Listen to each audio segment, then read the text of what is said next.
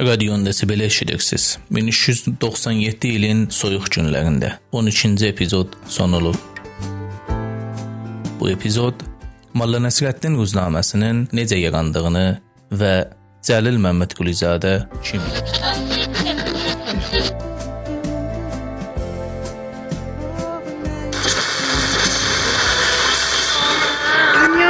Verən inqilab yaranmasını araşdıranda bu sonuca yetiririk ki, mətbuatın etkisi bu dəyişikliklərdə önəmli olub. Mətbuat habelə zülmə qarşı döyran millətlər arasında fərdi və ictimai azadlıqları ələ gətirməkdə önəmli nəqşi var imiş. Bu mətbuatdan bir parası tarixsaz olaraq özəl bir şəraitdə və mövqeyiyyətdə ərsəyə çıxıb və millətə dərin etkilər buraxdılar və önəmli dəyişikliklər cəmiyyətdə yaratdılar. Bu adlı sanlı mətbuatdan biri Molla Nəsrəddin ruznaməsidir ki, 1906 müsadif olaraq 1285 şəmsi ildə Arazın o tayında həssas, siyasi və qarışıq günlərdə meydana ayaq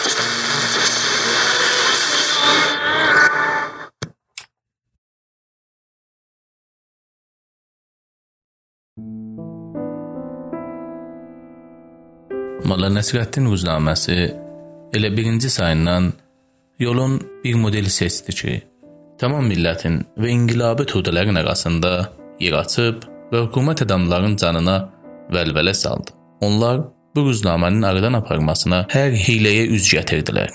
Rüşvə, zor, təhdid, ancaq bunların heç biri bu ruznamədə çalışan düşüncəli insanları aldatmadı.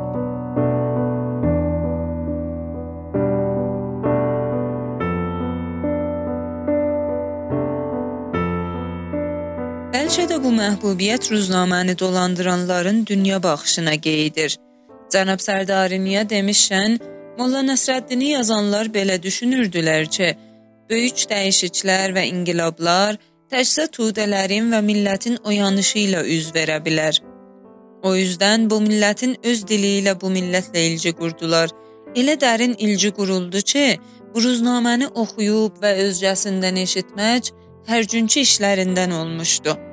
Yəni belə deyim, o zaman adam tapanmazdın ki, Molla Nəsrəddin ilə tanış olmaya, ya bir qıssa şeir və ya qıssa söz Molla Nəsrəddindən əzbər olmaya.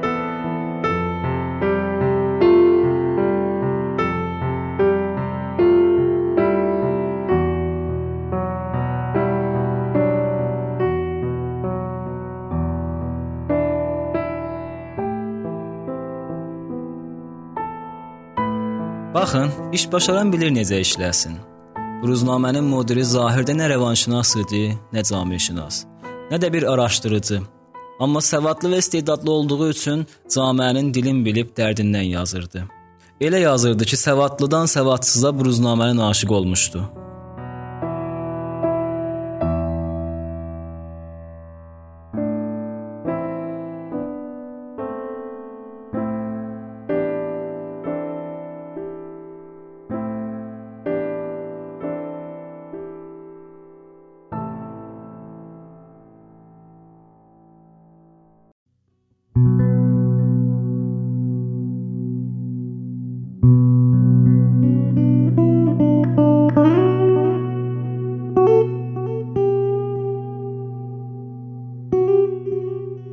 Cəlil Məhəmmədqulizadə Molla Nəsrəddin məcmuəsinin imtiyaz sahibi və baş yazıçısıdır. Bu adlı sanlı yazıçı və jurnalist əslində bizim Azərbaycan əhlindən olub.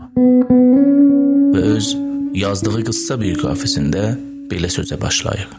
Anadan olmuşam Naxçıvan şəhrində, Araz çayının 5-6 verəsliyində və Culfa qəsəbəsinin 40 verəsli fasiləsində. Burada Mirzə Cəlil Araz çayını xatırlaması təsadüfi nəzərə gəlmir. Durna Mən bildiyimə görə 19-cu əsrin yarısında Məhəmməd Quleyzadənin babası Bənna Hüseyn Quli Araz çayını keçib Naxçıvana gəlmişdi. Bu Yüksengoli Mirzə Cəlilin atası bizim Xoy şəhrimizin əhlidir. O, yüzlərcə zavallı İranlı kimin otaya işləməyə getmişdi və orada kasıb bir ailədən olan Sara adlı bir qız ilə evlənib qalır orada və bu evliliyin nəticəsində 1245-ci ildə Cəlil Məhəmməd Qolizadə dünyaya göz açır.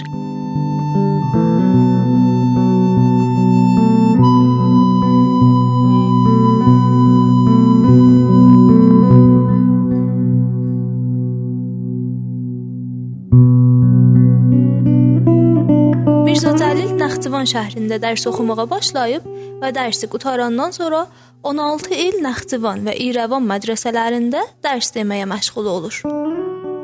Bəs ruznamenigarlıq işinə necə üz gətirir?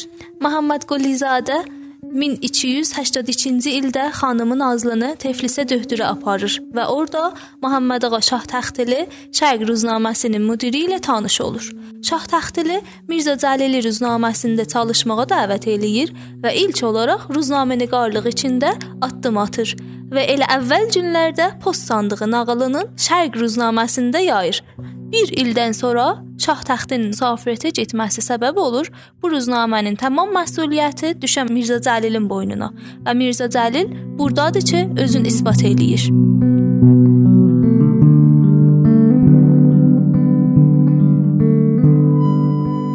Deyişlərə görə Mirzə Cəlilin nə cür ruznamenigarlığa üz gətirib və dərci imtiyazı alması üçün bir xatirəsi var. O zaman bir qısa müddət fəza açılıb və qələm azadlığı ruznamələrdə ora yetirdi ki, inanılmaz idi. Bir gün bir balaca oğlanı gördüm ki, çığıra-çığıra Qurqiqu adında bir rusu dərgini satırdı. O dərgidə bir xoruz əksi mənim nəzərimi cəlb elədi. Bu xoruzun başı Rusiyanın tezarı Nikolayın başı idi. Gördüyümə inanamırdım. Məgər tezarada dolaşmaq olardı. Dərgini alıb qastım dostumun başına və dedim: "Də niyə oturubsan? Dur ki, ayağa qalxmaq zamanı yetirib. Dur bax gör tezarı necə xoruza bənzədiblər." Beləliklə Mirzə Cəlil təsvirin turbo açıq fəzadan bəhrə alıb və Azərbaycan xalqının oyanışına addım ata.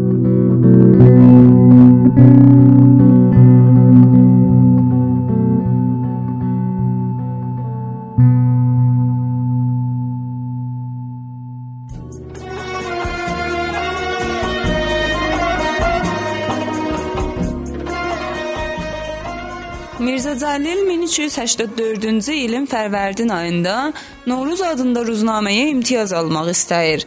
Amma çün Məhəmməd ağa Vəkilov adında yoldaşlarından biri İqbal adlı ruznaməyə iqdam eləyir. O yüzden Mirzə Cəlil dostuna sarı Novruzun imtiyazından göz örtür.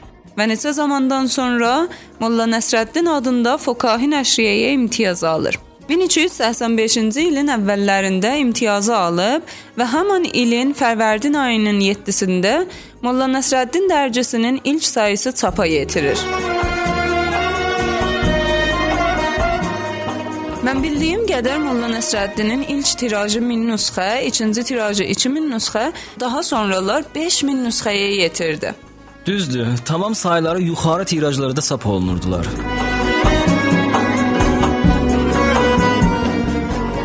Mirzə Cəlil çox cəlib taxma adları da var imiş ki, Molla Nəsrəddini də bu taxma adları ilə imzalayırmış. Bunların bir sırası Hərdəm Xiyal, Dəli, Sırtıq, Mozalan və Qarınqulu imiş.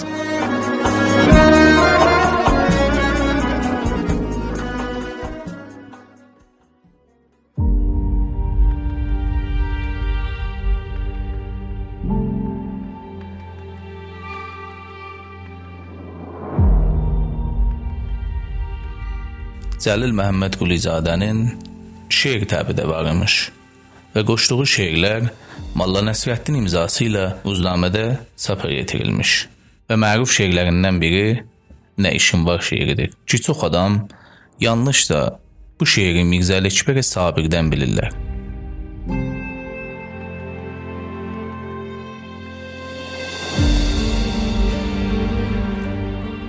Professor Abbas Zamanov bu məsələyə görə belə deyir. Neçə il öncə təxmin vurub və yazmışdıq ki, millət necə taraz olur olsun, nə işin var şeiri Əli-Əkbər Sabirdən deyil. Bəlkə bu şeiri Cəlil Məhəmməd Qulizadə özü yazıb. Ancaq Mirzə Cəlil təvazudan bunu etiraf eləmir.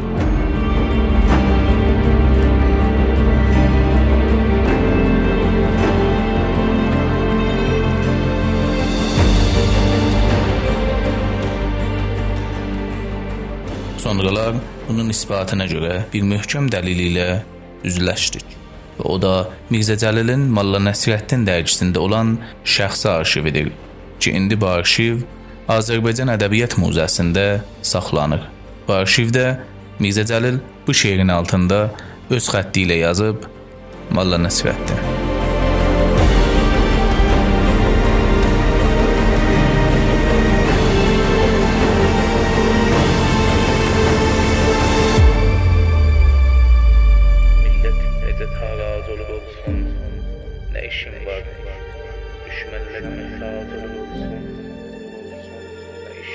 Hər millət edir səffi dünyada tərəqqi.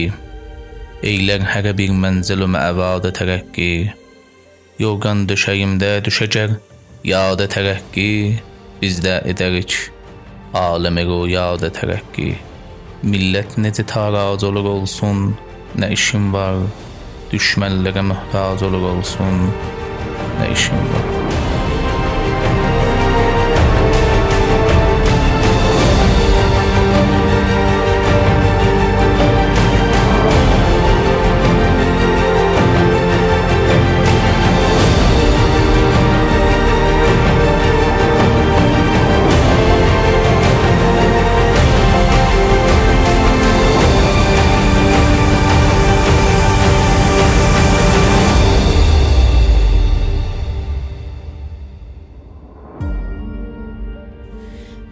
Da maraqlı olan Mirzə Cəlilin ata-baba diyarı ilə tanış olmasıdır. O zamanın cəccəl çətinliklərinə baxmayaraq 1399-cu ildə Mirzə Cəlil Şeyx Məhəmməd Xiyabaninin rəhbərliyi ilə qurulan Azadistan Demokratik Nehzətinin adını eşidir və bu üzdən Molla Nəsrəddinin ardın çap etmək üçün Təbriz şəhrini uyğun görür. Bir tərəfdən də Mirzə Cəlilin qardaşı Mirzə Əli Əkbər onu Təbrizə gəlmək üçün maraqlandırır və həmin ilin Xordad ayında Mirzə Təbrizə doğru yola düşür. Dəniz, düzdür ki, Mirzə Xordad ayında Təbrizə sarı yola çıxır, amma bir para yol çətinlikləri və yolda üz verən xanların savaşına görə Şəhrivər ayının 16-sında Təbrizə yetirir. Yəni elə olur ki, Mirzə Təbrizə yetirdikdən sonra Şeyx Məhəmməd Xiyabani Muxbir Səltənənin hiləsi ilə şəhadətə yetirir. Neçə gün sonrası da qardaşı Mirzə Əli Əkbər tutuqlanıb Marağaya təbid olunur. Beləliklə, yol çətinliklərin boynuna alan Mirzə Təbrizə yetirəndən sonra başqa müşkillərlə üz-üzə oldu. Amma Mirzə Cəlil iradəli və sınmayan bir kişi olaraq bu çətinliklərdən qorxmayıb, sonunda eləyə bildi. Molla Nəsrəddin dərgisinin çap haqqın Muxbir Səltənədən alıb və 1 ildən az müddətdə 8 sayı bu ruznamədən Təbrizdə çap eləsin.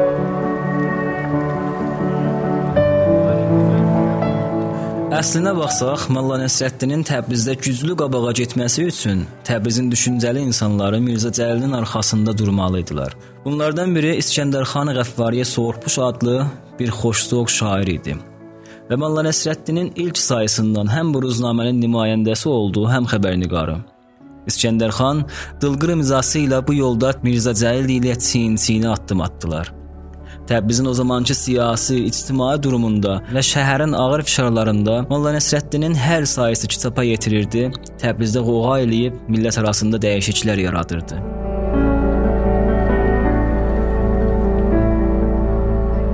Və çün bu ruznamənin çapı ilə bərabər İranda məşrutə hərəkatı qabağa gedirdi. O üzdən bu ruznamənin hər sayəsində İrana görə bir karikatur, şeir ya məqalə çap olurdu. Mirzə Cəlil özü deyir, Molla Nəsrəddinin yarıdan çox müştəriləri İranlı idilər. Demək olar 15 mindən yuxarı sayımız Xurasandan tut Tehrana, İsfahan, Təbriz və hətta kəndlər arasında satılırdı.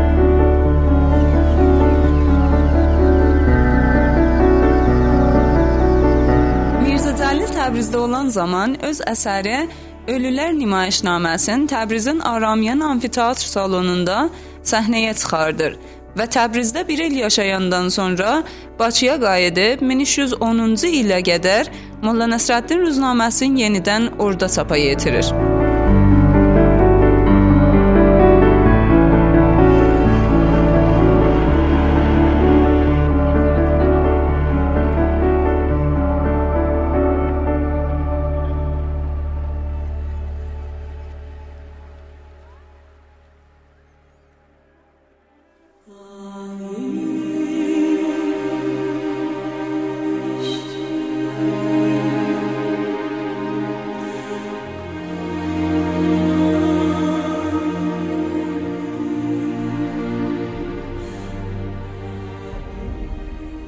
Necə ki demişlər, ürəkdən gələn söz ürəyə yatar.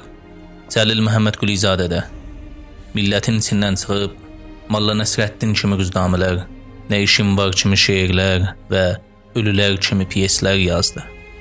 O, nə tənha öz zamanında, bəlkə də indiki durumda da yalnız Azərbaycana yox, bəlkə bütün Orta Doğuya təsir və etki qoydu.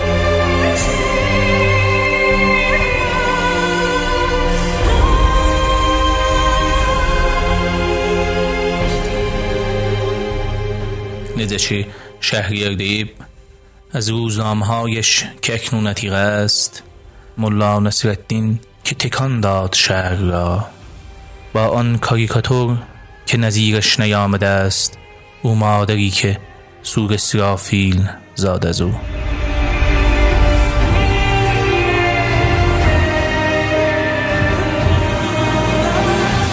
Bu arada Əzim Əzimzadədən də rahatlıqca keçməməliyik. O öz fərqli karikaturları ilə Molla Nəsrəddin Ruznaməsinin şərq dünyasına tanıtdırdı. O Azərbaycan karikaturist atası adlana bilər.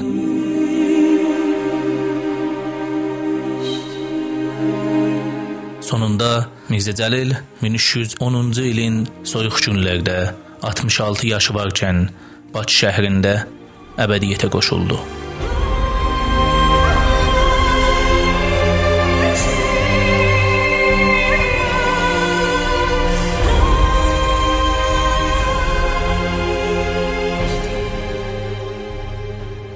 Ancaq Molla Nəsrəddin yolu davam edir. Azəri, işıq və ban kimi dərcilərlə.